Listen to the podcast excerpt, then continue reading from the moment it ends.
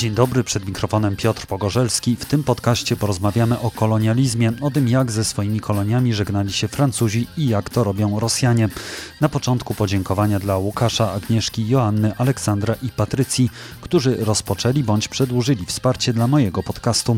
Zachęcam do śledzenia profili społecznościowych Po prostu Wschód na Instagramie i Facebooku oraz mojego prywatnego na Twitterze, a także słuchania Radia Wschód na Spotify.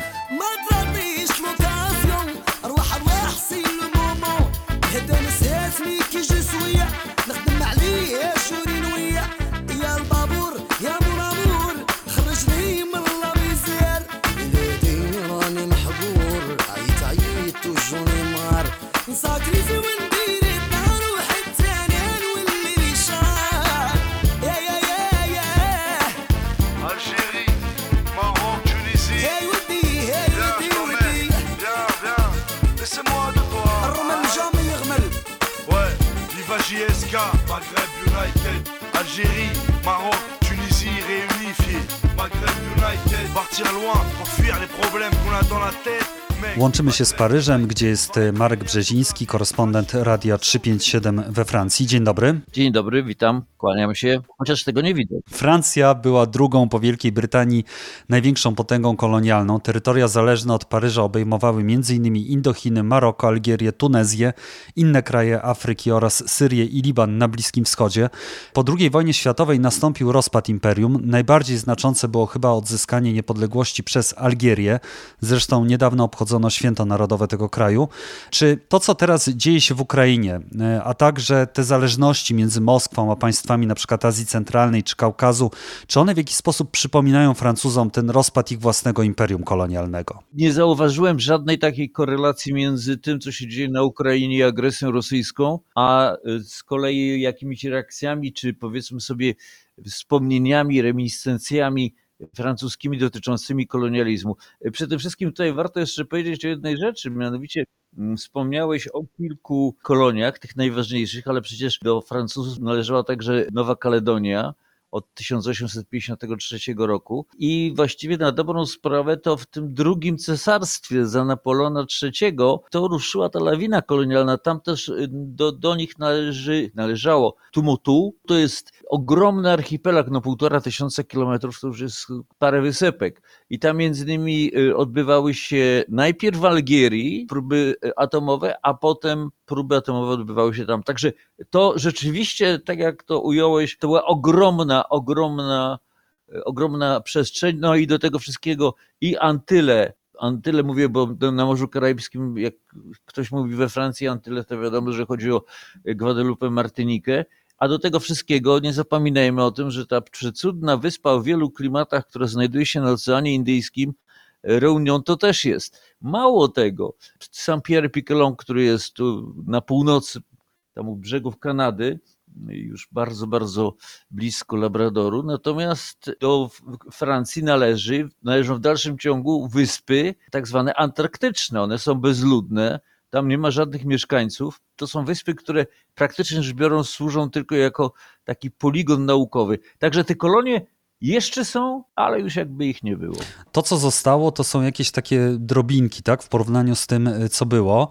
I mnie interesuje, jak przebiegał ten proces pożegnania właśnie z koloniami, bo wiemy, że była wojna w Algierii, no to chyba był taki najbardziej dramatyczny e, etap właśnie dekolonizacji Francji. To był najbardziej dramatyczny etap, ja do tego wrócę, ale wcześniej jeszcze taka historia, która moim zdaniem w fantastyczny sposób obrazuje stosunek Francuzów do kolonializmu. A mianowicie przenieśmy się na chwilę do Brytanii. Jest piękna pogoda, więc warto tam skoczyć. Do Saint-Malo. To jest prześlicznie, przeuroczo położony port. Port korsarzy awanturników, y, poszukiwaczy przygód i jednocześnie fantastycznych żeglarzy Jacques Cartier, który odkrył ujście do rzeki Świętego Wawrzeńca i od tego zaczęła się, zaczął się ten związek Quebecu z Francją. Tam stamtąd właśnie wyruszył, tam się urodził, tam zmarł. W Saint Malo odbywają się y, festiwale co kilka lat, festiwale książki i filmu przygodowego. To jest niesamowicie interesujące, fascynujące po prostu wydarzenie. I gościem jednego z tych festiwali był niestety nieżyjący już Ryszard Kapuściński.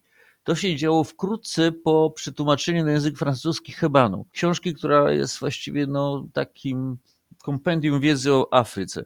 Wszyscy byli zachwyceni, autentycznie. O ile na przykład poezję Wisławy Szymborskiej we Francji przyjmowano z, no powiedzmy sobie niezbyt entuzjastycznie, nawet mówiono po co to tłumaczyć na język y, francuski, o tyle Kapuściński absolutnie tak, a Heban to w ogóle było takie objawienie, sensacja, trochę było w atmosferze skandalu. No to właśnie, skąd się wziął ten skandal? Otóż jeden z pisarzy obecnych właśnie w Samaro powiedział wtedy taką bardzo interesującą rzecz, mianowicie, że to jest prawdziwy obraz Afryki. Tam na przykład Kapuściński wywalił prosto z mostu.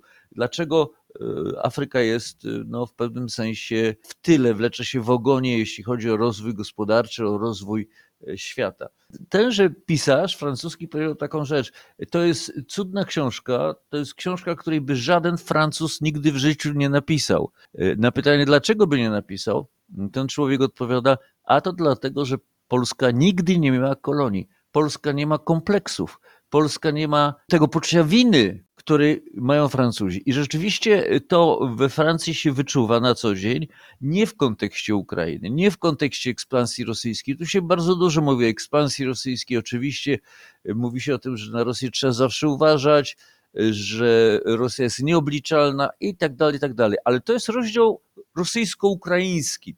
Natomiast jeśli chodzi o rozdział kolonializmu, to kolejni prezydenci, oni y, przepraszali za ten okres kolonializmu. Bardzo silna jest pamięć o żołnierzach z kolonii, którzy walczyli, szczególnie w czasie I wojny światowej, ale nie tylko, walczyli pod sztandarem Francji, między innymi przede wszystkim, no najwięcej się właściwie mówi o Senegalczykach, bo to e, rzeczywiście ich było chyba, e, z tego co ja pamiętam, to było najwięcej. Natomiast e, ta pamięć istnieje i, i, i tutaj często się o tym wspomina. Jest taki ruch, no, no bo cóż, no, żadna, żadne ekstremum nie jest dobre, ani, ani kolonializm, ani taki hura antykolonializm, żegnamy się z kolonializmem, prawda? Gdzie dochodzi, nie tylko zresztą we Francji, dochodzi do przewracania pomników ludzi, którzy uchodzą za w jakikolwiek sposób związanych z kolonializmem. Takie ruchy też miały miejsce swego czasu, jakieś półtora roku temu we Francji. To ucichło, o tym się wiele nie mówi. A teraz Algieria. Algieria była ogromną traumą dla Francuzów. Utrata Algierii, w ogóle cała ta sprawa, no przecież w Klamar tylko, tylko podobno, tak twierdzą eksperci, ja z tego nie pamiętam, ale y, generała de Gaulle przed zamachem niezadowolonych generałów uratował tylko ten słynny Citroën, który on wtedy podróżował. Kierowca dodał gazu i uciekł, bo ten samochód był strzelany. I pamiętam taką historię dosyć znamienną. Otóż w Uniwersytecie Amerykańskim, w którym wykładałem, to y, właściwie miałem bardzo mało studentów Francuzów, chyba dwóch czy trzech. Jeden z nich był niesłychanie inteligentnym chłopakiem, bardzo otwartym, wydawało mi się, lubiłem z nim rozmawiać na różne tematy i między innymi, ja nie pamiętam już na przerwie, jakiś zajęć zeszło na tematy właśnie de Gaulle'a, wolnych Francuzów. Ja mówię, no wiesz, tak z punktu widzenia mojego, jak ja patrzę na przebieg II wojny światowej, to wy przez kolaborację z Vichy nie zasłużyliście na to, żeby być tą jedn, tym jednym z supermocarstw. I właściwie na dobrą sprawę wam honor uratował de Gaulle.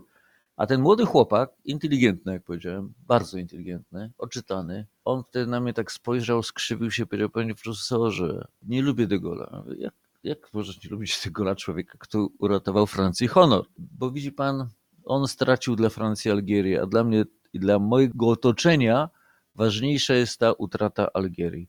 Czyli yy, proszę zwrócić uwagę, jak silne są te takie ciągoty, sentymenty do y, tego, co utracono, tego, tego, tego, tej, tej Algierii utraconej. Algieria była formalnie była podzielona tak samo na departamenty jak Francja, tak? Czyli jakby wielu Francuzów chyba nie uznawało tego za kolonii, tylko po prostu jakby za południowe przedłużenie Francji. Ale mało tego, wielu Francuzów tam się czuło jak u siebie w domu, jak, jak we Francji, czego na przykład nie można powiedzieć o wszystkich, o wszystkich obecnych nawet mieszkańcach Nowej Kaledonii Nowej Kaledonii, które stanowi to, terytorium zamorskie co jakiś czas tam się odbywają referenda w sprawie tego, czy odzyskać niepodległość, czy uzyskać niepodległość i uniezależnić się od Francji. No jak na razie te, te głosowania, które ja pamiętam w ostatnich latach, to wszystkie były na, na korzyść Francji pozostania we Francji. Martynika Guadalupa to też bardzo ciekawy przypadek, bo ci ludzie żyją swoim życiem, swoim tempem, swoim rytmem, szalonym rytmem tropikalnym, ale jednocześnie oni się czują Francuzami. Tam przecież walutą jest y, euro. Bardzo dużą traumą, ogromną traumą były Indochiny była wojna w Indochinach. Interesuje mnie jeszcze jedna kwestia, to jest y, kwestia języka, bo Algieria na przykład mimo tej krwawej wojny to jest kraj, gdzie no, prawie wszyscy znają francuski, tak? I ten francuski, jak rozumiem, nie kojarzy się z imperializmem. To znaczy, na przykład w Afryce są organizowane różne festiwale frankofonii i nie jest to przyjmowane tam w ten sposób, jak jest na przykład przyjmowane na terytoriach byłego ZSRR promocja języka rosyjskiego jako promocja rosyjskiego miru i tego imperializmu. Skąd się to bierze, że jest inne podejście do francuskiego? Może dlatego, że Rosjanie chyba zawsze, jak ja sobie przypomnę książki Tomka Wilmowskiego i pierwszy tom tych książek, przygód Tomka Wilmowskiego, to tam właśnie się rzecz zaczyna w Warszawie, w szkole rosyjskiej i chodzi o rusyfikację. E, za Bismarcka była germanizacja, prawda? Także to, tu próbowano narzucać ten język i to był język okupacji, to był język okupanta. Natomiast y, trochę inaczej przecież było w Galicji.